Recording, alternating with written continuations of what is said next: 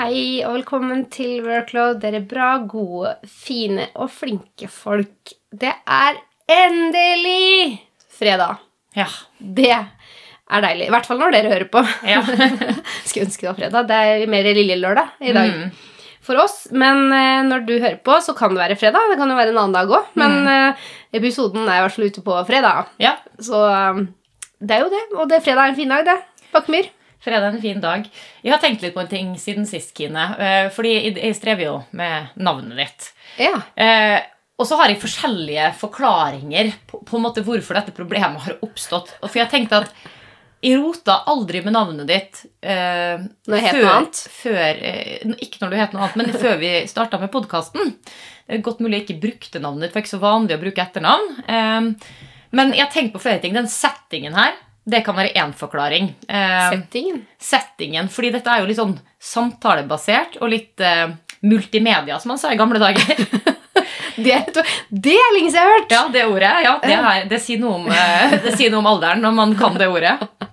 Men jeg har tenkt på at eh, det var eh, Eller det er en kar, han finnes sikkert fortsatt, han altså, jeg tror det mange år siden han har gått på norsk TV, men som heter Dr. Phil.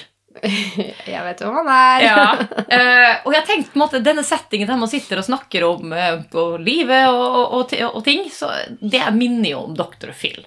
Um, Ja, så jeg har tenkt at måte, kanskje det er det som har vært en sånn trigger. Og så veit jo egentlig at jeg har heller ikke brukt navnet ditt. Fordi altså, på jobb så bruker jeg jo ikke etternavnet ditt. Um, så den eneste gangen jeg bruker etternavnet ditt, er når jeg kjører bil og skal ringe til deg. Um, fordi Volvo har jo sånn stemmestyring. Forferdelig dårlig stemmestyring. Skjer alt mulig rart. Det er sånn, Kan du ringe til Kine, så kommer det sånn Ja, eh, eh, her er veien til Rema 1000, liksom. Det er sånn helt, eh, Han er helt ute. Men der er du jo la, eh, eh, lagra som eh, Haug, Kine, Aileen.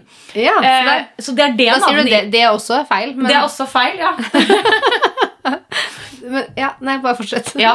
Men det tror jeg er en forklaring da, på at, uh, at når jeg plutselig har blitt presset inn i en setting der jeg må bruke navnet ditt, så får jeg assosiasjoner til, uh, til han, og jeg er ikke vant til å øve utenom. Ja, det er sikkert det. Dr. Phil.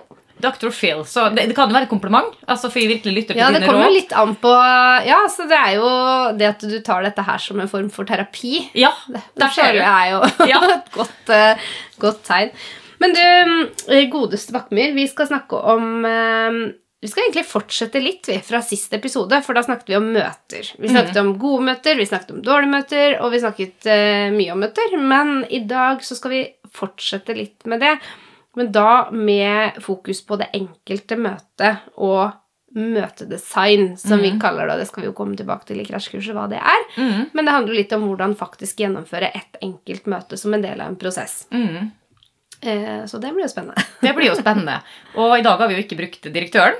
Nei, nå har vi tenkt sjæl, da. Så får vi se hvordan det går. Mm, Men før det, før det så må jeg bare ta opp en liten ting med deg også. mm. Fordi at eh, jeg tenker at det er eh, rom for forbedring når det gjelder deg. Ja. Ja, ja, ok. Shoot. Fordi Og dette mener jeg ganske blodseriøst at vi må gjøre noe med. Mm. Fordi at eh, Nå husker jeg ikke akkurat hvilken dag det var, men vi snakka sammen. Og du var igjen på tur ute i skogen. Mm. Og så sier du ja, nå går jeg ut i skogen og går. Eh, altså, jeg, «Å ja. Eller det var kanskje jeg som sa sånn. Er du, er du ute og går i skogen? Ja, jeg er ute og går i skogen, men jeg må bare reise hjem igjen og hente Max. Mm. Da har du nok en gang glemt Max hjemme når du skal i skogen for å gå tur med Max. Mm.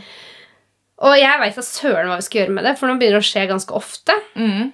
Det syns jeg ikke er bra nok. Jeg syns du må skjerpe deg. Mm. Så derfor så har jeg spurt direktøren eh, om hva skal vi gjøre med deg. Ja. Og det direktøren sier Jeg har egentlig noen sånn litt kjedelige råd som handler om å lage en påminnelse og en sjekkliste og, Um, Sjekkliste, ja. Før du på og tur. Mm. noe som heter sammenplanlegging. Så hvis jeg kan, så kan jeg jo tilby deg å planlegge turen sammen med deg. Ja. Og minne deg på å ta med hunden når vi avtaler detaljene. ja. Men det føler jeg også det blir for slitsomt for meg. det er ikke litt ikke, overkill. på en måte ikke en god forbedring. Men jeg likte den her. Det er punkt fire. Du kan oppmuntre henne med belønninger. Ja. Så som en kaffe eller en liten godbit. Hvis jeg greier, det. Hvis- Hver, hver, Det godbit, hver er det- gang du husker å ta med deg hunden. Det er jo Max som får godbit til vanlig, men da blir det en godbit til meg Da òg. blir det godbit. Så kanskje litt risbrød i en pose. Skal vi se hvor mange godbiter du kan få. Eh, og så har vi jo også en annen som jeg tenkte var eh, kanskje grei. Det er at det litt tydelig kommunisere med deg. Det er det jeg prøver å gjøre nå. Mm. Det er å snakke med deg, begynner i dag, regelmessig og forsikre meg om at du forstår hvor viktig det er å ta med deg hunden Når du går tur med hunden. Mm. Hva tenker du? Får vi til å forbedre dette her?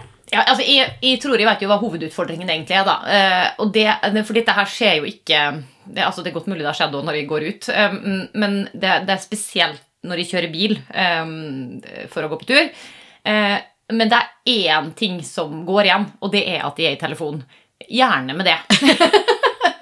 Så det Så det jeg som må forbedre eh, meg. Nei, ja, nei da, det er nok meg, men, men det kanskje inkluderer i, eh, i, for min del da, å ikke snakke med deg før jeg er ute i skogen og har bekreftet at jeg har hunden med meg. Det handler kanskje om å være til stede i øyeblikket og følge med på hva jeg gjør. Um, så rett og slett litt eh, mentalisering eller fokus. Ja. Um, så kanskje det. Rekkefølgen. Altså først gå ut, komme med til skogen, være sikker på at jeg har hund. Så ringe Kine. Ikke ringe Kine på vei ut døra, og så begynne å kle på meg og glemme å ta med hunden. God plan. Det var en liten forbedring. Vi følger opp den regelmessig, som rådet fra direktøren er. Men når vi er inne på direktøren, da, mm. så må jeg bare Jeg har en liten erkjennelse. Ja. Jeg tror kanskje du har det òg. Og det er at det er noen som er permittert. Ja. Noen har fått permisjon. Mm. Ja, det, vi har jo snakket om det. Eh, nå hadde du akkurat brukt direktøren, så du utnytta den en siste gang før du sendte den av gårde. Men, Jeg men, innvilger den eh, permisjonen. eh, Ja, fordi direktøren har jo strevd litt. Eh, jeg opplevde faktisk her, eller jeg har i hvert fall en teori om at eh, eh, direktøren løy til meg eh, her om dagen. Jeg spurte han om noen teoretikere. Eh, og da eh, ga, oppga jeg navnet på en teoretiker, og direktøren hørte feil. Og da sa direktøren først en gang at, eh, at navnet, sånn, det feile navnet, da, og så oppga de den teorien som egentlig hører, hører til rett person. Og så sa jeg men det er jo feil person. Kom det med et nytt forslag med en, med en annen dame. Dette er en mannlig teoretiker. Og så når jeg da ble litt irritert på direktøren, som jeg blir noen ganger, og, og var veldig tydelig med hva som var riktig navn, da fikk jeg bare vite at den personen den hadde ikke direktøren kjennskap til. Um, og da kjente jeg at da Nå, nå, å, nå, nå trenger du en pause. Ja, Nå må du hvile deg litt grann, før du kan komme tilbake her og fungere optimalt. Mm. Og det kan jo hende at det betyr at vi skal, når vi, direktøren er ferdig med permisjon, at vi skal eh, Altså kanskje vi skal rekruttere en ny person inn i direktørrollen, rett og slett. Eh, eller, eller en ny AI, da. Ja, Det kan hende at vi må teste ut noen andre mens direktøren er i permisjon. Mm. Uh, se om det kan fungere bedre. Um, og så får vi se litt hva vi gjør med direktøren. Mm. Om, eh, kan jo hende at vi bare sender den rett ut i intet. Det Mm. kan være òg. men vi skal i hvert fall eh, Vi holder jo døra på gløtt. Da. Ja. Vi har i hvert fall ikke sagt noe til direktøren ennå, sånn direkte. Eh, men eh, en liten permisjon tenker vi at det er greit. En liten permisjon er, er greit når du, når du begynner å miste grep om, eh, om Ja, ting. det er spesielt fireren, da. Bare for Mm. dere som vet hva vi snakker om her. Med chat eh, GPT så tenker vi at uh, treeren er jo gratis, så Mm. fireren tenker vi at vi kan permittere for en liten stund. Og så får vi komme tilbake til hva vi gjør. Om det er uh, Vi må rekruttere en annen direktør. Kan det jo også være. Mm. Ja, Kine? Ja, Uh, hva er greia med Hva er greia med politikere og aksjehandel? Ja, det er jo gøy. Altså, de er jo Ja, helt er det gøy? Eller, altså, er, er det egentlig gøy? Ja, det kan du jo si. Det er jo gøy. Ja, det må jeg faktisk si. Det er litt gøy å se på. Eh, Det er ikke gøy konsekvensen av det, kanskje. Eh, I hvert fall ikke for verken Erna eller, eller Sindre. Men, eh, eller alle Høyre-velgere, kanskje.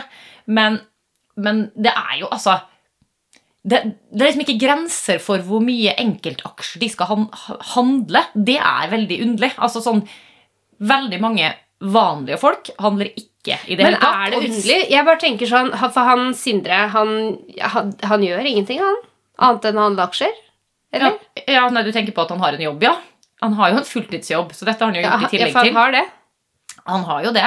Eh, du har jo ikke fått med deg at de har stilt spørsmålstegn ved det. eh, Nei, jeg har om ikke det. Jeg har vært litt opptatt. Om arbeidsgiveren hans mener at han ikke har gjort jobben fordi at eh, Men de har sagt at det, det tror, det, De tror han har gjort jobben. de tror han har gjort jobben, mens andre tror at ikke han har gjort jobben fordi det volumet av eh, daytrading, da, som egentlig det han har Ja. drevet med, eh, det er så, det er så ø, høyt at um, Det rekker du ikke å gjøre mellom eh, fire og halv fem eller fem. Ja, nei, ikke sant? Ja. Du spørs jo litt hvor du handler. halv seks, tror jeg nå. Det er sånn, jeg er jo sammen med en børsmann, så jeg, Han kommer aldri hjem. han kommer aldri hjem. Nei, det, jeg føler at klokkeslettet øker. Det er kanskje bare det han sier, da, men jeg føler det har blitt en halvtime lenger. Ja, for jeg har ikke hørt det hjemme, og jeg er også sammen med en som er eh, Eh, styrt av klokka der. Ja. Så Det her um, ja, det, la oss finne ut av Ja. det mysteriet der. Ja, når stenger egentlig Oslo Nei, Børs? hvorfor kommer ikke Knut hjem? Ja, det. Kanskje det er det. Nei, men, eh, nei, men han har jo eh, regler for, for, for aksjehandling, og, eh, det vet jo Johan også har. Eh, Og det, det er jo, jeg, opplever ikke at vi er i en sånn situasjon da vi skal stadig liksom bare teste hvordan vi kan finne smutthull rundt det, og det, det er jo veldig snålt, fordi det å investere i etablerte fond, sånn som jeg har skjønt det, er relativt uproblematisk for en politiker, så hvorfor de på død og liv skal drive med denne aksjehandelen. Men akkurat når det gjelder Sindre, så tenker jeg Det er jo som det, De sier det jo. Om det er Altså, det er jo det er jo merke, merkelig. Men da skal jo vi si det. Sjøl om ikke nødvendigvis en, en eh, I hvert fall ikke alltid en høyrevelger, eh, så åpner dette en mulighet for min favorittpolitiker til å komme tilbake. Og da lurer jeg på oh, ja, Ja, jeg vet, vet du? Torbjørn Røe Isaksen. Yes. Ja, for det er jeg enig med deg i. Ja, ikke sant? Jeg tenkte nå, altså Han har hatt pappapermisjon. Jeg har til og med sjekket opp hvor lenge han har hatt pappapermisjon. Eh, eller ikke permisjon, da, men han har, han har hatt det nå, mens han er, Han har- redaktør for uh, Ha- eh, Ikke sånn permisjon, men poli politisk permisjon. Og det er bare Eh, permisjon? Nei, det er ikke permisjon. Det, Eller det vet jeg ikke, men, men han har trukket seg ut av politikken da, for å være med familien og prioritere familien. ja. Um, Nå er han lei. Eh, Nei, det var, ja, fordi Jeg måtte finne ut hvor lenge er det og hvor gamle har de ungene blitt. da Så Det, det har jeg faktisk googlet og søkt opp, for jeg håper faktisk virkelig at han kommer tilbake igjen. Og jeg tenker han hadde vært en meget god leder for Høyre. Og eh, mitt standpunkt, eh, uten at jeg er en ekspert, er jo at Erna må gå. Rett og slett fordi sånn her kan vi ikke ha det. Ferdig med det. Og da er det åpnet for Røe Isaksen. Da sier vi helt objektivt sett. Det er jeg enig med deg. Det hadde vært godt å få inn han. Ja. Jeg blir litt sånn Jeg blir irritert, for jeg syns at det er teit at de driver med det. Mm. Så syns jeg også litt synd på de. ja. Jeg får liksom Jeg syns litt synd på Erna. Ja Ja, det er, altså, jeg tenker Jeg, syns ikke synd på henne som politiker. Jeg kan kanskje synes litt synd på henne som kone, da. Men, eh, men så blir jeg litt sånn Ja. Men det er ikke en menneskerett å være statsminister. eller det er det. Høyre-leder. Ja. Eh, og og i, om man tror på at hun ikke har visst noe, det spiller egentlig liten rolle, ikke sant? Fordi Det skulle ikke vært, vært gjort. Nei. Nei. Nei. Nei, det må bare slutte med det. Man må bare slutte å gjøre ting som kan være i gråsona. Mm. Ja. Hvis man eh, har noe som helst formening om at det kan være det, så må du bare du La må det være. La det ikke være. la det bli frista av det. Ja. Mm. Du må faktisk bare ta konsekvensene av de rollene du har. Og du må bare eh, Du må bare vite at det er risiko når du begynner med sånne ting som det der, og det, da kan det skje. La det være. La det være. Ok, ny spalte. N fortsatt ikke ny, for vi har den hver gang, men eh, neste. Mm. Pil, sår, tvil. Hos Bakkmyr. Pil. Pil, sår, tvil. Ja. Eh, jeg har jo vært eh, ute og løpt i helga. Mm. Eh, og da er jo sånn at når man løper og blir veldig sliten, så er det en problematikk som kan oppstå hos mange, og kanskje spesielt kvinner, men sikkert også menn, det er at det kan hende man må tisse litt. Grann. Og det er fort gjort å tisse litt på seg når man løper. Jeg gjorde ikke det, men eh, skal innrømme at det, har jeg gjort når jeg har trent. Ja. Eh, og det er jo ikke så rart, egentlig. Konsekvenser av å ha fått barn og alt det der, ikke sant? Eh, men så lurer jeg på Jeg, jeg føler Tisse i buksa, som du bruker å si. Pisse i buksa for å holde seg varm. Det, eh, er det noen som driver med det òg. Det driver ikke jeg med. Men i hvert fall så tenker jeg at det, det tenker jeg er innafor, på en måte. At det skjer. Det er ikke helt krise. Men det jeg lurer på, da, er det innafor å bæsje på seg Når man løper. når man løper? Type et løp, da. Ja. Ik- Ikke på joggetur, liksom. Men Du løper et løp. La oss si et halvmaraton, som var det jeg løp. Mm. La oss si at det ble observert i løypa. Ja. Spørsmålet er er det innafor. Altså, min første tanke er at det, det må minimum være et uh, høyt nivå. Altså, som mosjonist så tenker jeg Ok, og så er spørsmålet sånn En ting er om det er innafor at det skjer, Fordi det er jo kanskje ikke noe du planlegger for. Men om det er innafor å fortsette å løpe, da, blir jo egentlig spørsmålet. Eller om du bør bryte. Ja. Uh, og da er, er Det ene må jo være uh, at det må være av, et visst nivå. Det må liksom være Jeg tenker Snakker vi elite? Ja, jeg tror nok vi nærmer oss elite. Eh, og det eneste unntaket ikke sant, er jo sånn Er det liksom 500 meter igjen? På en måte. Så, så ja, ok, Du går på distanse, tenker du? Distanse og nivå. Altså, sånn, hvis det er like langt før du kommer til en åpning i gjerdet ut av løypa, da, Ja. så kan du jo like gjerne løpe i mål med bæsj i buksa. Ja. Men, um, Og bæsj på leggen. Og bæsj på leggen hvis det begynner å renne nedover. Ja. Så det er klart Ja, kanskje det òg. Litt konsistens. Kanskje det er en faktor også. Men, eh, men jeg, kjenner, nei, jeg, jeg tror nok jeg mener det at å, å løpe ei mil som mosjonist eh, med i hvert fall synlig avføring eh, flytende rundt, eh, det tror ikke jeg er innafor. Nei, greit. Men hva tenker Ikke- du? Jeg blir jo litt nysgjerrig som, som da Nei, altså, løper. mitt reisefølge Vi har jo diskutert det lite grann. Uh, jeg tenker at eh, jeg er enig på Det går på lite, tror jeg, for min del. Mm. Jeg tror ikke jeg er på 500-meter-grensa engang. Jeg tenker at eh, hvis det skjer, så må du nesten bare Ta det selv ut av situasjonen. Må nesten fjerne deg fra den situasjonen. Ehm, og jeg klarer ikke å argumentere for hvorfor det er uh, innafor når du løper som mosjonist, eller på mitt nivå, f.eks. Så tenker jeg sånn Nei, for det Nei. spiller liksom ingen rolle om du kommer i mål eller ikke. da sånn, Nei, egentlig. fordi det er på en måte ikke Du Lever ikke av det. Nei, du gjør ikke det. Så da tenker jeg at da må du egentlig Det beste er jo hvis du klarer å gå ut av løypa før det skjer, eh, Mm. men når det skjer, så må du nesten bare ta den, altså. Eh, ja.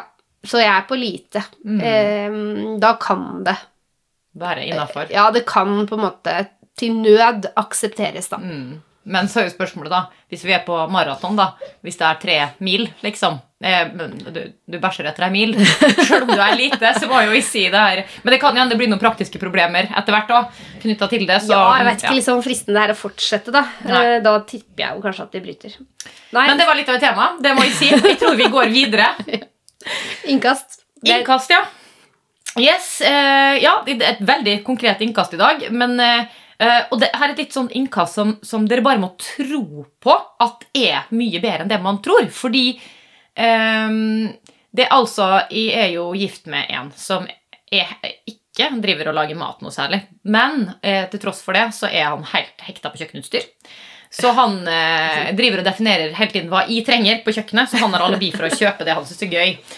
Og en av de nyeste investeringene da vi har gjort på kjøkkenet, som han, eh, og da, da er det alltid sånn kvalitetsprodukter. ikke sant? Det som, det som eh, Så kok kokker, på- kokkene har. Det er det. ja. Og da finnes det altså en sånn eh, gul sitronpresse. Ok. Eh, og det høres kanskje ikke sånn liksom, kjempefancy ut, men, men du deler sitronen i to, og så legger du den oppi, og så er det som et håndtak som du på en måte presser over. Vi kan legge ut et bilde av den på, mm. på kontoen vår. Eh, og så når han kom drassende med den, sånn, så tenkte jeg liksom Ja, ja, whatever, liksom, hvor mye jobb er det å skvise en sitron? Mm. Men det er altså helt Eller lime, da. Helt genialt. Fordi selv om man tenker at det ikke er så mye jobb, du deler en sitron, så skviser du den, så er det et par utfordringer. Det spruter ofte. Det er litt Ja. søl. hvis Man, man tenker ikke om, over det kanskje så, før det ikke er søl. Og så er det steiner. ja, Steiner, den er C. Mm. Og når du bruker den pressa, så er det null søl. Går, du får all væska ut av sitronen umiddelbart. Eh, jeg kan vise deg etterpå, Kine, faktisk hvor bra det er. Ja, jeg sitter jo og lurer på om er det så bra. Og så tenker jeg at du må jo vaske den Nei, du, ba, ja, men du skyller den jo bare, ikke sant? Det er jo sitron. Det er jo det, det har, Nå kan det hende er det dette såpe? Sitronsåpe? Eh, Du, vet du hva, det er desinfiserende. Det har, det, dette her Nå er jeg på det, det visste ikke jeg. Nei, nå er jeg på tynn, nå er jeg på tynn is, eh, og du skal, du skal få høre min forklaring på, på hvorfor dette er. Det er jo for at jeg har jo sånn paranoia for alt mulig, um, og derfor så har jeg denne kunnskapen her. Og det er at um, på type Grünerløkka, der jeg har bodd før, um, så bruker narkomane å stikke sprøytespisser inn i um, sitroner og lime for å desinfisere sprøytene. Fordi det har den effekten. Så det er det jeg baserer kunnskapen min på. Og så vet jeg om det er sant. Men, men derfor så tillater jeg meg bare å skylle stort sett den sitronpressa, eller hive den i oppvaskmaskina innimellom, da. Ja. Men, men jeg skal legge ut bilde. Dere får se den. eh, Men spiser du mye sitron? Jeg bruker mye sitron i mat. Ja. Bruker mye sitron i mat. Men mye sitron? For det blir jo mye saft. Blir det ikke for mye sitron? Nei, Jeg bruker mye sitron, da. Jeg bruker veldig mye sitron. Jeg er veldig glad i sitron. Ok, du er- bruker mye sitron. Godt eh, innkast, kanskje. Du må, vi må, jeg må Du vet prøve det, den. Kine. Kokker bruker mye sitron, og det er det jeg identifiserer meg med på kjøkkenet. Ja, men det er bra. Det er bra. Ok. Fra eh, sitron til eh, noe annet gøy. Det er krasjkurs. Og vi sa det i stad, vi, vi skal snakke om eh, møtedesign. Altså regi på møter. Regi er egentlig et ord jeg tror du bare har brukt når vi har snakka om det. Mm, det er Um, mulig. Jeg brukte det litt grann, da jeg studerte på BI. Jeg snakka med noen av de foreleserne om det, og inntrykket er at liksom ordet regi kanskje ikke er så mye brukt på møter, men jeg syns det er et veldig godt ord. Mm, jeg syns det forklarer litt hva tanken er. tipper jeg har stjålet det fra noen, men jeg har ikke helt eh, jeg, jeg har ikke noe minne av det. Men jeg liker jo det ordet eh, veldig godt. Ja. Og syns det beskriver godt si, det ansvaret du har som møteleder. da. Mm. Regissør for Mhm. møtet, ikke sant? Eh, og mm, sist snakka vi jo veldig generelt om møter, men nå skal vi prøve å dra det ned til skal gjennom, Vi skal gjennomføre ett møte. Eh, hva er det da som er viktig for å få det møtet til å bli et produktivt møte? Og når vi snakker om det i dag, så snakker vi det om, om ett møte som et ledd i en prosess. Så vi snakker jo ikke om rene informasjonsmøter eller driftsmøter. Eh, men mer dette her hvor du på en måte skal, du skal forflytte deg da, Ja. i større grad fra A til B Ja, i løpet utvikling. av et møte. Mm, Utviklingsorientert. Mm. Ja. Og Eh, det er sikkert mange måter man kan snakke om det på, men vi har nå valgt én teoretisk tilnærming til det som vi har lyst til å snakke litt om i dag. Og det handler om eh, Da bruker vi også ordet møtedesign, men der kan vi kanskje snakke om møteregi også. Eh, og deler det inn i tre. Har du lyst til å si hva det er? Tre faser Eller så tenker kan du på? Ja. Ja. Uh, nei, jeg tenker det ene er jo å sette konteksten for møtet. Eh, det er det første man gjør. Der kommuniserer man hvilken retning man skal i. Eh, og rammen, altså retningen er jo sånn vi skal Hvis vi tar et konkret eksempel, da. Eh, Mm. eh, For eksempel at vi har fått, fått noen tilbakemelding fra kunder eller innbyggere som gjør at vi må, resepsjonen vår må utvide åpningstida. Er Den beslutningen er kanskje tatt fra ledelsen, og, og, og som møteleder så har jeg fått i ansvar å eh, iverksette da eh, en utvida åpningstid. Um, og da kommuniseres det. Eh, i, eh, i, og det er da på en måte retningen vi skal. Og så er det rammen. Eh, det, innebærer jo liksom Ok, får vi mer ansatte for å gjøre dette, eller må vi mm, gjøre det de innenfor de- sant? Innenfor den ramma vi har, da. Mm. La oss si i vårt tilfelle så er det innenfor samme ramme vi skal løse denne problemstillingen. Eh, rammen er si vi har fem ansatte, vi har én resepsjon f.eks., og, og vi skal utvide åpningstida med en time. Arbeidstidsregulering, for Ja. Mm. Og, og, og i dag så sier jeg at alle, alle på jobb fra eh, halv ni til fire, eh, og åpningstiden er halv ni til fire. Nå skal vi utvide den med Mm. en time til sammen. Ja. Det er eh, forventningen på en måte da som, eh, som retningene, og så er det da rammene er med, med de ansatte vi har. Og så er det jo kontekst. altså Det, det her er jo overordna prosess. Etter konteksten kommer ordet kontekst igjen. Eh, Men altså, i hvilken kontekst skal vi gjøre dette her? Eh, og da kan det være eh, typ at eh, altså Konteksten er liksom det firmaet vi, vi, vi er- sier at vi er et firma eller en kommune som er opptatt av eh, at innbyggerne skal bli hørt, bli imøtekommet når de har kommet med et ønske. Så vi legger liksom til grunn at vi skal ha en løsning som innbyggerne er fornøyd med. Um, og at vi at skal ha god ansattpolitikk. Uh, ansatte skal oppleve seg godt ivaretatt. F.eks. oppleve fleksibel, fleksibilitet i arbeidstid osv. Det kan være en, en kontekst. Mm. Så dette her, da, hvis vi snakker om at det er første, du var liksom første av tre punkt, er å sette konteksten. Mm. Um, når møtet starter, da, Det blir jo veldig ledende spørsmål, men det er noe du gjør i starten av møtet. Jeg spør ikke engang, men dette starter du møtet med. Mm. Eh, og sette disse, ja, rett og slett sette konteksten Mm. for det som skal skje i møtet, men det henger sammen med noe utenfor det møtet. Mm. Og da ville det jo vært, her kunne det jo vært eh, Vi kan jo bare legge det til grunn. Noen ganger så kan man si at dette er en lang prosess, vi skal bruke et halvt år på å komme fram til det. Andre ganger kan man si at vi, dette må vi vi må ha et løsningsforslag som vi må eh, Om 14 dager så er det forventning da fra ledelsen at vi skal iverksette dette her. Mm. så da kan det være at vi må ta en beslutning i møtet, og slik at vi eh, i hvert fall godt nok grunnlag til at vi greier å, å innenfor den fristen vi har fått, da, iverksette. Det vil også være en del av konteksten, da. Og da er det én Når du skal gjøre det, så har vi snakka en del om en sånn en viktig kompetanse å ha inn i det, Mhm. eh, eller ferdighet kanskje også, og det er det med translatørkompetanse. Mhm. Um, hva handler det om? Nok et ord som vi har stjålet fra noen uten at de vet fra hvem. eh, Eller Men et godt lånt, ord. lånt, Et, et ja. ord som vi syns er godt. Eh, ja, nå føler jeg kanskje akkurat dette Mm. eksempelet her kan være litt vanskelig å beskrive det på en god måte, men jeg tenker det å ha translantørkompetanse, det innebærer for meg da å være en eh, Hvis du tenker en, en, en eh, Altså at du i din rolle, når du skal fortelle noe til om det er kollegaer eller de du er leder for, eller den type ting, eh, hjelpe de å se det i en sammenheng. Hvis du tenker det opp imot f.eks. For at fordi vi er innbyggere, dette passer inn i mange andre ting vi gjør. Mm. Eh, så det er på en måte en altså det, det her eh, Bend over, here it comes again, som, som eh, mange kjenner det uttrykket. ikke sant? At det stadig kommer nye endringer. Same nye shit, ting. new rapping. Ikke sant? Yeah. Um, så det er en måte å hjelpe folk da, eh, og organisasjonen til å på en måte ikke få en opplevelse av at, eh, at det er nok en ting. Mm. Eh, og så er jeg litt sånn opptatt av at noen ganger så er det nok en ting. Ja. Da må vi være ærlige på det, og det. Så det handler på en måte ikke om å bullshitte folk. Nei. Eh, men men det, det, ofte så handler det jo om å altså, tolke og få det til å passe inn i det Mm. man allerede driver med. Mer enn på en måte det å argumentere for at dette, dette er ikke én ting til. ikke sant? Men det er Å sånn, skape sammenheng syns Ja. jeg også litt. da. Fordi at det, i en, svært en stor organisasjon, som kan være typisk en stor kommune, Mm. så har man jo veldig mye sånn ulik terminologi. Mm. Og både liksom mellom tjenester og mellom fag og mellom nivåer. Mm. Så det der med å klare å oversette de liksom store tingene til liksom Men for oss betyr det egentlig bare Mm. Dette. Og det er jo det vi på en måte kanskje allerede driver med. Mm. Så det der med å prøve å få Og så er det en ting som er viktig akkurat når det gjelder det med translatørkompetanse. altså For meg så er ikke det en sånn Det er ikke en, det er ikke en sånn individuell skill eh, som du på en måte utfører på egen hånd. Altså Hvis du skal si at det er en skill, så er det en, i den grad det er en skill, så er det det å greie å gjøre det dialogbasert Ja. med de som skal eh, Ja, ja.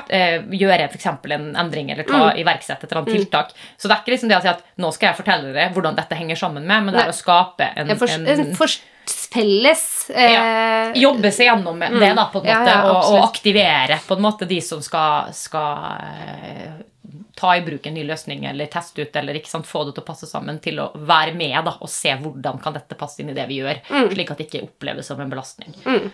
Det er ikke noe Men det var egentlig knytta til kontekst. Altså det med at den det, det er også en måte å jobbe når du skal starte dette møtet, da, eh, og sette konteksten, så er det også et perspektiv å ha med seg inn. da, Hvordan får du til det? Og spesielt i litt sånn komplekse organisasjoner. Mm, og sette av nok tid, da, slik at det, går, altså, slik at det er dialogbasert og ikke informasjon. En Altså, fortelling om ja. at eh, sånn og sånn er det. Mm. Eh, Men neste punkt A3, det er involver i utvikling. Og da kommer vi inn på det med kommunikasjon, dialogisk kommunikasjon. Det sa du litt om. Mm. Hva ligger i det? Eh, nei, nå har vi jo lagt til grunn at dette er type, et, et møte som en del av en prosess, eller, eller kanskje i dette tilfellet som en liten mikroprosess da, i seg sjøl. Eh, og, og da eh, tenker vi jo at vi, vi, vi skal komme opp med en løsning eh, på dette problemet da, med den åpningstiden.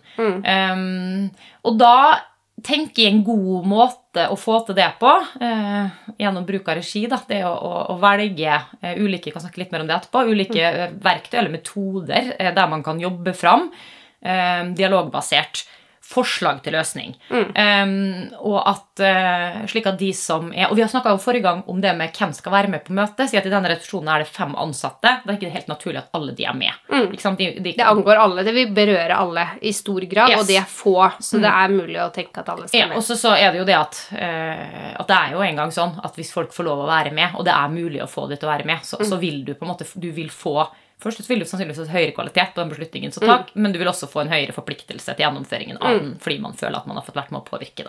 Ja. Um, så, så det tenker jeg så det, det er jo da å eh, måte mobilisere, uh, lage en struktur som bidrar til det. Uh, uh, folk på en slik måte at de, de er med å produsere forslag til løsning. Eh, og så på en måte eh, Basert på de forslagene som kommer, så er på en måte neste steg å, å, å beslutte. Og da kommer Eh, du til tredje punkt av de tre vi nå er gjennom, og det handler om forklaring. Beslutning og forklaring. Ja, ikke sant? Vi går for denne løsningen, og det er fordi den eh, sett opp imot f.eks. konteksten, da, som vi har innleda med, så er det dette som passer best, og jeg opplever at denne, denne løsningen er noe som dere eh, støtter, og, og, og, og som møteleder også, så tenker jeg at dette er en fin, eh, et fin, en fin ting å prøve ut, da. Det virker mest logisk, eller hvorfor, men noen begrunnelser på hva som gjør at du går videre med noe. Ja, og da er vi liksom inne på Nå fikk vi tre knagger da, til å tenke regi. Så hvis du skal planlegge det møtet, da, så kan du i hvert fall starte der med å tenke at du skal gjennom de tre tingene på møtet. Eh, sette kontekst, involvering og av, avslutningen av møtet på en måte er den forklaringen. Du tar en beslutning eller forklarer neste steg. Så det er hovedrisset. Rammen. Mm. Rammen for møtet, hvis du tenker deg som skal lede det møtet. Em, og så snakket vi litt om hvem som skal delta. Uh, og så er det jo litt det, det vi ikke sa med deltakelse, da. Det er jo at når alle skal inn og mene noe, uh, og også kanskje knytta til hvilke verktøy man bruker, så, så er det litt ulikt hva som eh, er lurt å velge, og det avhenger i stor grad av psykologisk trygghet. Vi skal ikke snakke om det i dag, det har vi en annen episode om, så det kan dere gå tilbake, dere som hører på, høre på den. Det kan godt hende vi skal snakke enda mer om hvordan vi tilrettelegger for psykologisk trygghet i en senere episode, mer sånn hands on. Eh, Men når vi skal snakke om bruk av verktøy her nå, så legger vi til grunn da at det i hvert fall er en viss grad av psykologisk trygghet i- da, til å gjøre de i en gruppe til ja. at man kan gjøre de verktøyene, for det bør være en del av vurderinga knytta til verktøy. Så hvis vi da går litt eh, videre på nettopp det eh, Vi har, har en plan for liksom start, innhold Mm. og avslutning. Og så er det hva Ja, hvordan i all verden skal Hvordan vi gjør dette i praksis? Hvordan, hvordan ser det ut i praksis? Fordi det høres jo kjempebra ut, veldig lurt, men Ja. Hva betyr hva, hva betyr det? Hvordan går jeg fram? Mm. Og da fins det jo en rekke verktøy, og der er det jo nesten utømmelig, egentlig. Men, eh, men det handler jo om en bevissthet knytta til hva man velger, og når. Så kan du gi noen eksempler. da. La oss ta det eksempelet som vi hadde her med en eh, Man skal utvide åpningstiden. Mm. Man har en gruppe på fem, og så skal man jobbe med de. Hvor skal jeg da, hvis jeg var lederen deres? Hvor, hvor starter jeg? Så du legger til grunn at du kjenner dine ansatte. Ja. ikke sant? Eh, Og det betyr at du, du også kjenner til eh, altså dette med psykologisk trygghet som vi snakket om, eh, og egentlig eh, Jeg tror vi snakka litt om det i en annen episode, men det med kollektiv intelligens. ikke sant? Hvordan er det i denne gruppa her? Eh, Tør alle å snakke? Eh, Bygger folk på hverandre, eller diskuterer vi mer enn å utvide tenkningen? ikke sant? Liksom, hvem er det du har eh, foran deg? legger til grunn at det er en, en, en eh, god nok grad av psykologisk trygghet til at du ikke, trenger å legge veldig sånn bånd på metodevalg. Ehm, og da kan man jo tenke seg si at du har, som man kanskje ofte har i en gruppe, et par stykk som ofte prater mye. eh, og noen som kanskje snakker litt, og noen kanskje til og med en som ikke snakker i det hele tatt. Og, og for å på en måte få best mulig kvalitet på beslutningen, eller den løsningen da, som man skal utarbeide, så ønsker man jo å aktivere alle. Og da må man jo velge metoder som sikrer det. Ehm, og jeg tror vi må nesten lage en egen episode med metoder, fordi det er mye å ta av, men vi kan jo gi noen Ja, eksempler vi gjør det. eh, på noen metoder. Mm. Eh, det er jo en mye kjent metode som mange, mange sikkert har vært utsatt for, eh, og som på en måte jeg synes jo er litt kjedelig oppbrukt metode, men jeg nevner den likevel, og det er jo IGP, altså individuelt gruppe og plenum. Mange bruker den mange bruker den også feil, eh, fordi man bruker den uten, regi, hvor- ja, ja, uten regi. Slik at man kanskje, fordi Hensikten med den metoden er at du skal sitte og jobbe for deg sjøl. Eh, skrive det skarp. Ikke sant? Sitte og Du gir et arbeidsspørsmål, da, Mm. som i dette tilfellet kunne vært eh, eh, Ja, hva, hva vil hva, hvilke utfordringer vil vi møte dersom vi skal ha en som begynner tidlig, og en som slutter seint? At man blir alene på jobb, f.eks. Hvilke utfordringer vil man møte? Eller hvilke muligheter vil det gi? Altså Et Ja. eller annet form for arbeidsspørsmål, avhengig av hva du ønsker å få fram. Eh, Og så at alle sitter for seg sjøl og jobber individuelt i noen minutter med å svare på det spørsmålet. Mm. Eh, og da er det ofte første blemma man gjør eh, som møteleder der, eh, er jo at man ikke passer på at alle skriver. Sant? Man lar folk slippe unna med å ikke skrive. Mm. Eh, og hvis det, er en kultur, hvis det er en kultur for det, da, eh, så er det jo ofte sånn. Så det å være tydelig på det Vi kommer til å forvente at alle har skrevet ned noe, og vi går ikke videre for det jeg har gjort, sjøl om det har gått to minutter, f.eks. Mm. Um, og her er også psykologisk trygghet. Vi må bare nevne det igjen. ikke sant? Det kan være vanskelig å få folk til å skrive ned nå hvis det er lite, liten grad av trygghet. Men hvis det er, bare for å skyte inn den, så kan man få de til å skrive ned, men man kan også si at man ikke nødvendigvis skal dele det. Men i IGP, som var den, mm. det du utgangspunktet her, så skal man jo dele noe. Det er neste Yes. ledd. Mm. helt riktig. Uh, og, og så vil man jo da eh, at man, at man deler folk i grupper. Her ville det kanskje vært en bitte liten gruppe på to og en på tre. Uh, eventuelt kunne man supplert med å hatt noen inn, noen eh, tjenester eller kollegaer som har en erfaring med noe, for, for å supplere og få inn liksom, et nytt utenfra blikk. Det er også en, et sånn konkret metode man kan bruke. da. Mm. Eh, men si at vi da har en gruppe på to og en på tre. Eh, Eller et par på to, da, og en gruppe på tre. Eh, Og der de da deler. Og da er det ofte sånn at man ofte bare sier sånn Ja, del med hverandre. Og det tenker jeg heller er ikke noe sånn det er for lite regi. ikke sant? Da vet du ikke, da har du ingen styring på hva som kommer, og ofte så kommer det kanskje ikke så mye, og det blir en veldig sånn løs prat. Så det å være veldig sånn tydelig med eh, Først så skal den ene fortelle, den andre skal gi tilbakemeldinger, f.eks. Du, må- du skal gi to ting du liker ved ideen til den andre, og to ting du tenker kunne blitt bedre, f.eks., og så bytte roller, da. Um, så det å på en måte også styre hvordan det skal skje, så man sikrer at også der at alle prater, og at det blir konstruktivt i forhold til dit du skal. Mm. Og så tilsvarende når man skal da dele i PS og for plenum, altså når, alle skal, når gruppen skal fortelle, ikke sant? sørg for at det, det har vært valgt en person som skal dele, så man er forberedt, så ikke det blir sånn unødvendig ubehag fordi man ikke har fått beskjed om det. Eh, og at kanskje man begrenser til å si ett eller to punkter, bli enige om hva dere uh, syns var best på det, denne gruppen her, og det Men kommer fram til. der kommer det med egentlig øyeblikksfasilitering inn, da, som vi skal snakke enda mer om. Men, men jeg har vært med på en del workshops. Jeg har vært med på mange workshops. øh, Og når det kommer til plenum, Mm. Så syns jeg det er ganske interessant. Fordi at der er man også tilbake til den eh, regien eller mangel på regi. Mm. For det, min erfaring er jo at eh, man er i Og da kanskje litt større Mm. grupper, men hvor man sitter i ulike grupper. Og så skal hver gruppe og én person skal dele fra gruppa. Mm. Og så blir det egentlig en opplesning fra den gruppa. Mm. Så sier man tusen takk, og så går man til neste gruppe. Hva mister man da? Eh, Nei, man mister flere. For det første så får man ofte altfor mye informasjon fordi du ikke har begrensa det. nummer én da. Så det første er hvis- Hvis det er mange, så er det viktig at man begrenser det. eh, eh, Nettopp fordi at ikke siste gruppe bare skal sitte og gjenta. ikke sant? Så, så hvis at alle må velge én ting, så er det mulighet til å justere seg underveis.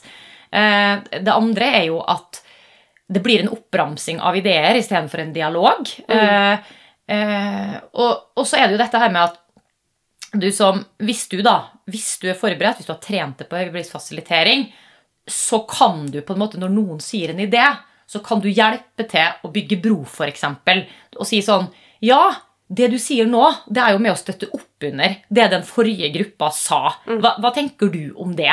Ikke sant? Og så på en måte bidrar man til å skape en dialog i gruppa, og en sånn Kall det nesten si da, en, en, kan nesten bruke begrepet translatørkompetanse der òg. Og is, altså oversette ideene til hverandre.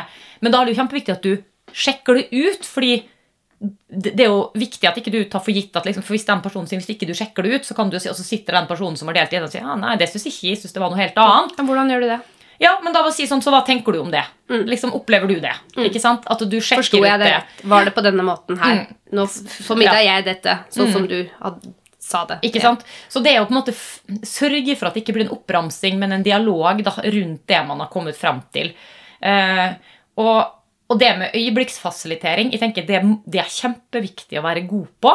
Eh, Det er men også kjempevanskelig å være god på. Så hvordan blir vi gode på det? Nei, det må du bare øve på. Og det, det er så enkelt at du, du må bare tåle å ikke være god på det i starten. Eh, og så må du bare begynne å gjøre det. Eh, og der kan du også, hvis du har lyst til å utvikle det eh, som møteleder, da, gjerne invitere inn en venn og si du, i dag har jeg lyst til å få til disse to-tre tingene. ikke sant? Jeg skal si at jeg skal bygge én bro. Jeg skal stille et, et, et sånn utsjekkspørsmål, og jeg skal gjøre en ting til. Og der, Kan- det har jo vi to erfaring med faktisk sammen. Yes. Hvor vi har vært med hverandre. Ja. Og faktisk på, i, Fordi man kanskje også skulle vært i stedet sammen, men, det, men vi har også helt sånn Ja. tydelig Kan tydelig du bli med i dag? Kan du bli med i dag? Eh, og det er jo utrolig nyttig og lærerikt Mm. å gjøre.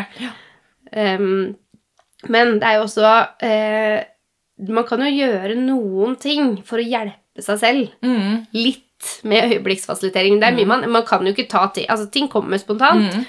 Eh, men når man ikke har øvd mye på det, så har i hvert fall jeg kjent på noen ganger at Oi, hvordan skal jeg respondere på dette her? Mm. Eh, og da fins det jo noen tips. Mm. Hva, du har jo gitt meg noen tips tidligere. Um, noe av det handler om eh, Det kommer over bordet litt sånn Ops, dette klarer jeg ikke å respondere på akkurat nå for at det skal bli en god respons. Det skjønner jeg. Men jeg, det er helt sånn Jeg finner ikke hva jeg skal. Hva gjør jeg? Nei, du kan jo ofte si noe av det som kanskje skal være mest krevende. eh, I hvert fall i de tilfellene du på en måte som møteleder eier et annet for ansvar. sånn som i dette tilfellet, det ville være at Du har et ansvar for at man kommer fram til en beslutning. Mm. Og si at du da f.eks. over bordet får en veldig sånn Ja, men dette, dette er ikke mulig. Eh, Det, da blir det masse sykemeldinger hvis vi må jobbe mer. Ikke sant? Du får en litt sånn, ganske sånn hard Mm. eh, feedback. Mm. Eh, og da er det sånn, kanskje instinktivt så er det veldig lett det, Og det, det er liksom helt fysisk. altså Gjerne at du tar et skritt. Ofte gjør man det. Et skritt i retning av den personen. Mm. Kanskje setter blikket veldig i personen. Gjerne type knytte armene over brystet. At man har noen sånne kroppslige reaksjoner. Mm. Um, og de, for det første så er den måten å reagere hvis man ikke er bevisst på det. så på en måte du kommuniserer nonverbalt. I tillegg så gjør det noe med din egen, ditt eget hue, altså hjernen, rett og slett. Uh, og at man blir veldig aktivert. Mm. Eh, og fort begynner bare rett på argumentasjon. Mm. Så et sånn godt tips der er helt sånn konkret fysisk. Ta et skritt tilbake. Eh, klistre på det et smil. Eh, og ikke at det skal være et falskt smil, men, men bare prøv. Ofte så, kom, ofte så skjer det noe med huet når Og det handler jo litt mer om deg selv enn at du skal sign signalisere et smil. Yes. Da. Så det er ikke sånn at du skal stå og se sånn passiv-aggressiv ut. Liksom. Nei, Det handler rett og slett at du skal hjelpe deg sjøl å åpne det litt opp. Ja. Og så ta armene dine ned mm. på hver side av kroppen. Mm. Og så gi deg sjøl et sekund, og så istedenfor å reagere med å argumentere, så sier du ja, du tenker det. Fortell mer. Mm. Å ha noen sånne setninger på hvordan du skal komme deg ut av de situasjonene forberedt. Jeg har ofte skrevet de ned eh, på forhånd eh, foran et møte, så liksom har de bevisst. Mm. Eh, og det som skjer da, er at du, du gir deg sjøl tid. Eh, den andre personen måte får litt tid til å synke inn hva man har sagt, og så får man litt mer innsikt i okay, hva er det det handler om. Og min erfaring er at i 90% av tilfellene man har noen kranglefanter som på en måte bare er veldig krevende eh, i, i sånne møter. Men i 90 av til, tilfellene så vil da den personen fort begynne å forklare hva som egentlig er problemet. ikke sant? Som er sånn Ja, fordi at de tenker det å være aleine når telefonen ringer. ikke sant? Det, det, det kommer til å være stress for meg. Ok, Så hvis du vet at telefonen ikke ringer når du er aleine, da tenker du at dette kan gå bra likevel. Er, det, er det det du sier? Sjekk ut. Mm. Og da får du en helt annen type samtale med en gang. Og så trenger du ikke adressere alt dette med sykefravær. og alt det som på en måte kommer som en sånn... Så det å ha setninger forberedt på forhånd, tenke over liksom, fysiske bevegelser og, og uttrykk, Mm. eh, er viktig. Og så er det det med å tørre å si fra når du ikke veit. Mm. Si Oi, nå ble jeg veldig usikker på hva som er riktig å gjøre. Eh, du, jeg trenger at, kan ikke dere gå og ta dere en kaffe? Skal jeg tenke litt på hva gjør vi videre nå? Mm. Eh, kanskje ikke, ikke akkurat en sånn type, men hvis det er sånn at det kom- kommer opp noen ideer, eller det kommer noe som skjer, eller, eller du får noen spørsmål du ikke greier å svare på, sant? den type ting. Eller du må faktisk justere litt på regien din. Ja, mm, Som du har, følge av et innspill. ja. Som følge av et innspill, eller som følge av at det har blitt høyt engasjement på en måte på et tema, så du må ta liksom en fot i bakken nå fordi du skal gi dem litt mer tid på dette her, for dette tror jeg er viktig at vi går inn i. ikke sant? Men ta den der krangelpanten, da. Bare for å ha vært eh, sånn kjapt innom den. Ja. Der også kan du forberede deg litt, fordi det er som du sier, det, det kan absolutt være at det er en som hvor det egentlig ikke er konstruktivt, det som kommer, og det egner seg kanskje heller ikke i gruppa. Det er Bare sånn kjapt, Hvordan kan du forberede deg på liksom For det, for eh, det handler kanskje litt om på en måte å både ivareta, men også parkere det i den settingen. Jeg vil jo tenke, altså I de aller aller fleste tilfellene som, så vil du kjenne folka dine godt. Så da handler det også om hva slags type innspill du eh, åpner opp for. Og det er jo flere måter å gjøre, gjøre det på. For, for det, egentlig, for tenker det, det viktig, viktigste i de tilfellene er egentlig å forebygge de situasjonene så langt det, det lar seg gjøre. Og det gjør du med valg av metoder. Eh, og der kan f.eks. en sånn veldig enkel ting være bruk av halvsetninger. Em, sånn at du da styrer liksom disse kall det utbruddene, eller sånn, og så sier at du eh, Si at du vil ha problemer på bordet, da. ikke sant? Så kan du godt si det, men da kan det være sånn eh, at du sier at ok, vi har, vi, har en del problemer, Vi vil at dere skal formulere de eh, med utgangspunkt i dette her. Og da kan f.eks. en halvsetning være ehm, Det vil være utfordrende å få til økte åpningstider fordi Eh, og da styrer du det litt slik at det ikke blir lange taler, eksempel, eller den type ting. Og så kan du på en måte da ha lagt opp til at jeg kommer bare til å skrive ned disse tingene. Jeg kommer ikke til å respondere på dem. Ikke sant? Og så på en måte tenker du at, er du smart da, så tenker du at ok, dette kommer til å komme. Da legger jeg inn en pause når de er ferdig, slik at jeg har 15 minutter på meg mens de andre si, går og tar seg en kaffe og går på do, til å tenke hvordan skal jeg følge opp dette. Og så kan det være sånn at du, du gir det til alle gruppene, snakker gjennom disse her. ikke sant? Um, hvilken av disse opplever flere at det er et problem? Og så på en måte kan det hende det løser seg i gruppa med at at eh, altså gruppa sammen blir enige om at dette her Eller at du går rett over på hvordan kan vi løse. Mm, ja. Så det er jo liksom det å ha Altså hele tiden ha en plan. Eh, for å, og så må man liksom Litt avhengig av hvilken problemstilling. For det handler jo ikke om å, liksom, å begrave problemer, men det handler om å sørge for at det blir, de blir håndtert på konstruktive måter. da. Og der er du også inne på det med arbeidsspørsmål. ikke sant? Når du lager oppgaver, lag spørsmål som gjør at du får det eh, resultat Ikke resultatet, men det, at det produseres det du ønsker. Altså det, de, når de besvarer de spørsmålene, tenker de det på forhånd. Når man besvarer det, vil de svarene gjøre? Blir, det, blir det en substans? Er det noe du kan, er det mulig å analysere det? Er det mulig å ta det videre? Eller blir det på en måte bare en sånn masse ting Ja. som blir For det, det kan bli veldig mye og vanskelig å håndtere. Så, uh, så det med å jobbe ut gode arbeidsspørsmål, det er også helt konkret. Um, og så var vi innom Egentlig har vi jo én metode, det fins mange metoder, men jeg har bare lyst til å si, for du sa det med å skrive seg skarpe, eh, og det er jo en tanke bak det. Det handler jo om å aktivere. Du sa jo det selvfølgelig alle blir aktivert, men det handler om å sette i gang huet til den enkelte også, da, veldig enkelt sagt. Men, men det at man også har en bevissthet knytta til det. Og da er jeg også inne på en annen ting som jeg har merka når jeg begynte å jobbe på den måten her mer og mer, da, og ble mer og mer opptatt av regi, så kjente jeg på en sånn ah, Hvilke metoder kan jeg bruke nå? Og så merka jeg hvor fort i starten jeg gikk til IGP. For det er det enkleste. Det er veldig lett å håndtere. Det er vanskelig å gjøre på en god måte, Ja, kan det være, det. Men, men det er samtidig en veldig enkel metode. Mm. Eh, og da er det jo litt sånn som vi har snakka om også, det der med når du i hvert fall skal jobbe over tid med en gruppe Mm. Hva skjer hvis du velger IGP hver gang? Mm.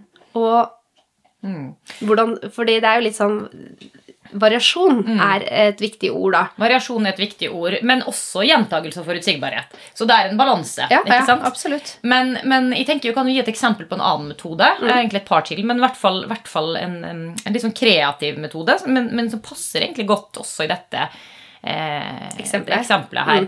Eh, og det ville vært altså bruk av rett og slett legoklosser. Det er kanskje mange som har vært borti det før. Um, og her kunne man jo sagt, eh, og første gang man gjør det, så kan noen for at noen ansatte kan bli sånn utrygge. liksom bare, nei, dette her får ikke til. Og da må man bare støtte og si jo, jo, men bare, du, bare, prøv, begynn, bare begynn å bygge. Det er forventningen. Begynn å bygge. Og så formidler du det så langt du har kommet. Og da kan type, Det blir jo et arbeidsspørsmål, liksom, men bygg Ehm, bygg en modell. Her har jeg legoklosser på bordet. Du får åtte minutter, ti minutter. Eh, bygg en modell eh, av hvordan det ser ut når man eh, har utvida åpningstid. Eh, og så vil jo mange Det går jo ikke an å bygge det, liksom. Så, så bare nei, men bare begynn. Bare prøv. Eh, og erfaringsmessig så går det veldig bra eh, for de aller, aller fleste. Og så er jo da, det som måte er fint med det, i hvert fall hvis det er litt betente temaer, er jo at når du da skal formidle det, så snakker du om modellen din. Hvis du observerer gruppa di da, f.eks. i IGP, så ser folk direkte på den som formidler. Når du bruker Lego, så ser folk på den modellen du forteller om. Ikke sant? Fordi du peker og forklarer på modellen. Det tar vekk noe trøkk ifra, eh, fra det som person. Så litt vanskeligere å gjøre den først, men desto kanskje mindre eh, sånn personlig, da, og, og sånn sett litt mindre farlig når du beskriver modellen. Og så er det jo veldig, veldig viktig knytta til akkurat den øvelsen er at det, går ikke an å gjøre den feil. Nei, Og det- derfor ja. så er det ikke farlig at det blir ubehagelig, men det gir faktisk deltakerne en erfaring Mm. med at eh, alle kommer til å klare det. Om du så setter én kloss på det brettet, så er Ja, det ja. Da har Hva du klart. Ja. Hva er grunnen til at du satte én kloss? Fortell. ikke Mm. sant? Og du, det, det å ha forberedt gode spørsmål for å hjelpe til å fortelle, men du kan bare begynne med å si sånn alle får 30 sekunder for å presentere modellen sin. Som regel så går det ganske så av seg sjøl. Mm. bare pass på at man ikke liksom krever for lang forklaring de første gangene man, man bruker Mm. den metoden, for noen kan synes den er litt, eh, litt skummel, da. Og så er det jo taktilt, ikke sant? Og vi mennesker er jo sånn, vi trenger litt ulik måte å jobbe på, og Mm. så er vi litt ulike òg. Så for noen så er dette veldig sånn kreativt om man virkelig produserer. Mm. Eh, så, og det er også derfor variasjon tenker jeg Det, det er så viktig på grunn av det også.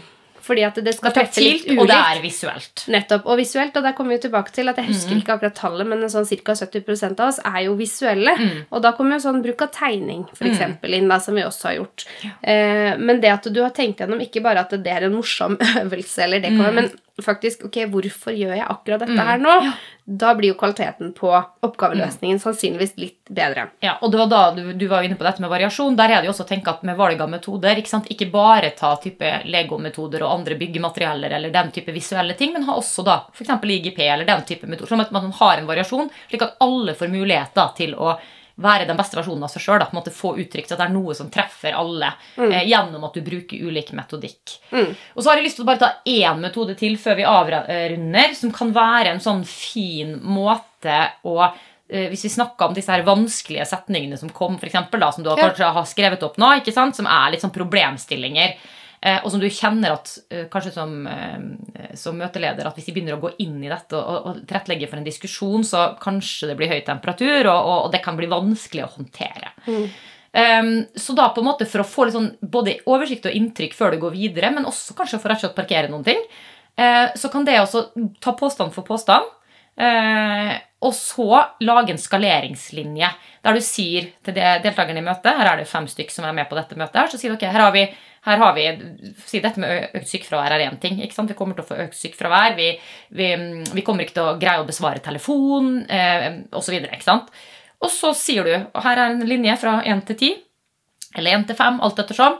Eh, Eller fra dette hjørnet i rommet til neste Ja. andre hjørne i rommet. Altså, mm. En- Bare en skalering. Still det opp, da.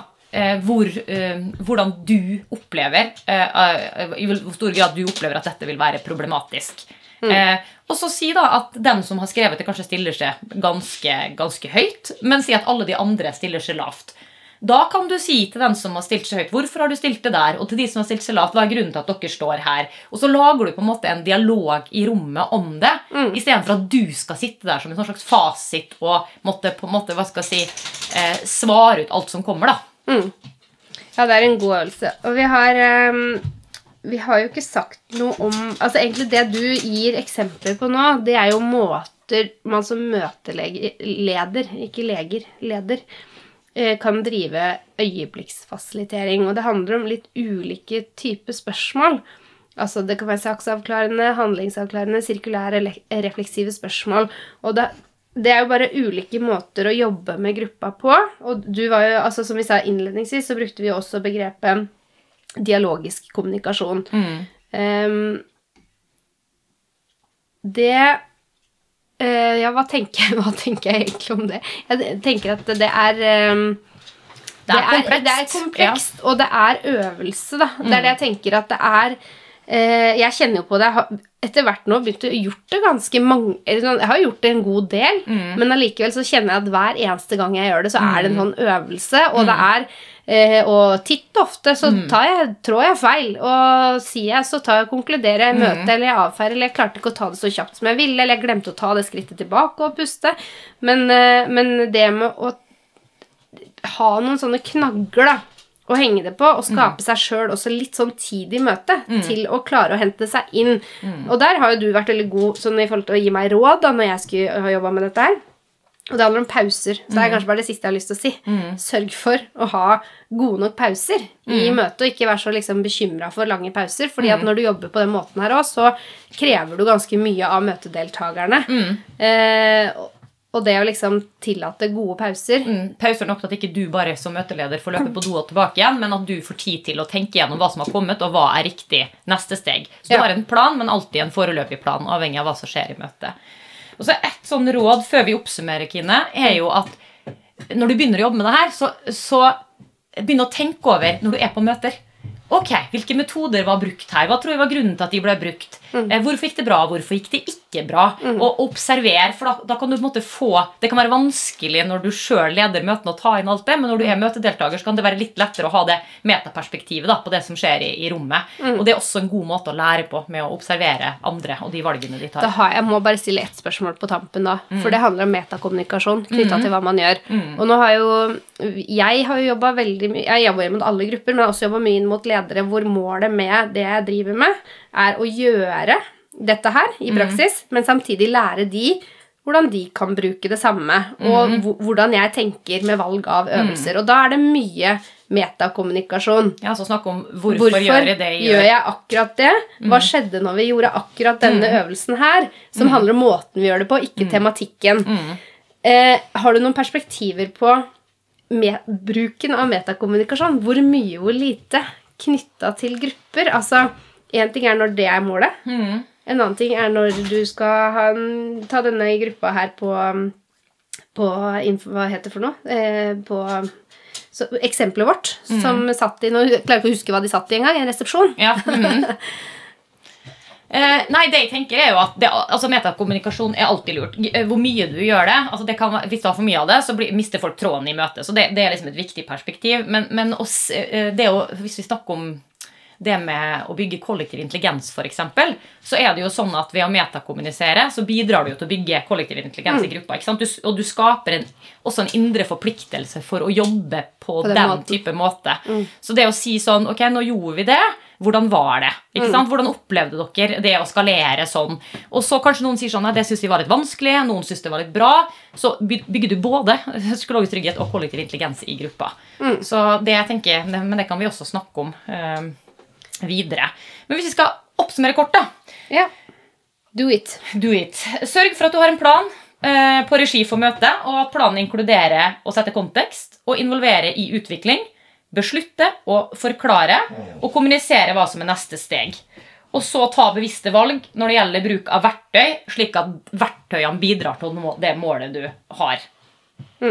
Og i neste møte så skal vi zoome litt ut fra dette her. Nå snakka vi enkeltmøter, men vi skal enda litt opp og tenke eh, design for prosesser. Strategisk prosessdesign skal vi snakke om neste gang. Så det vi gjør nå, er bare å si takk og farvel.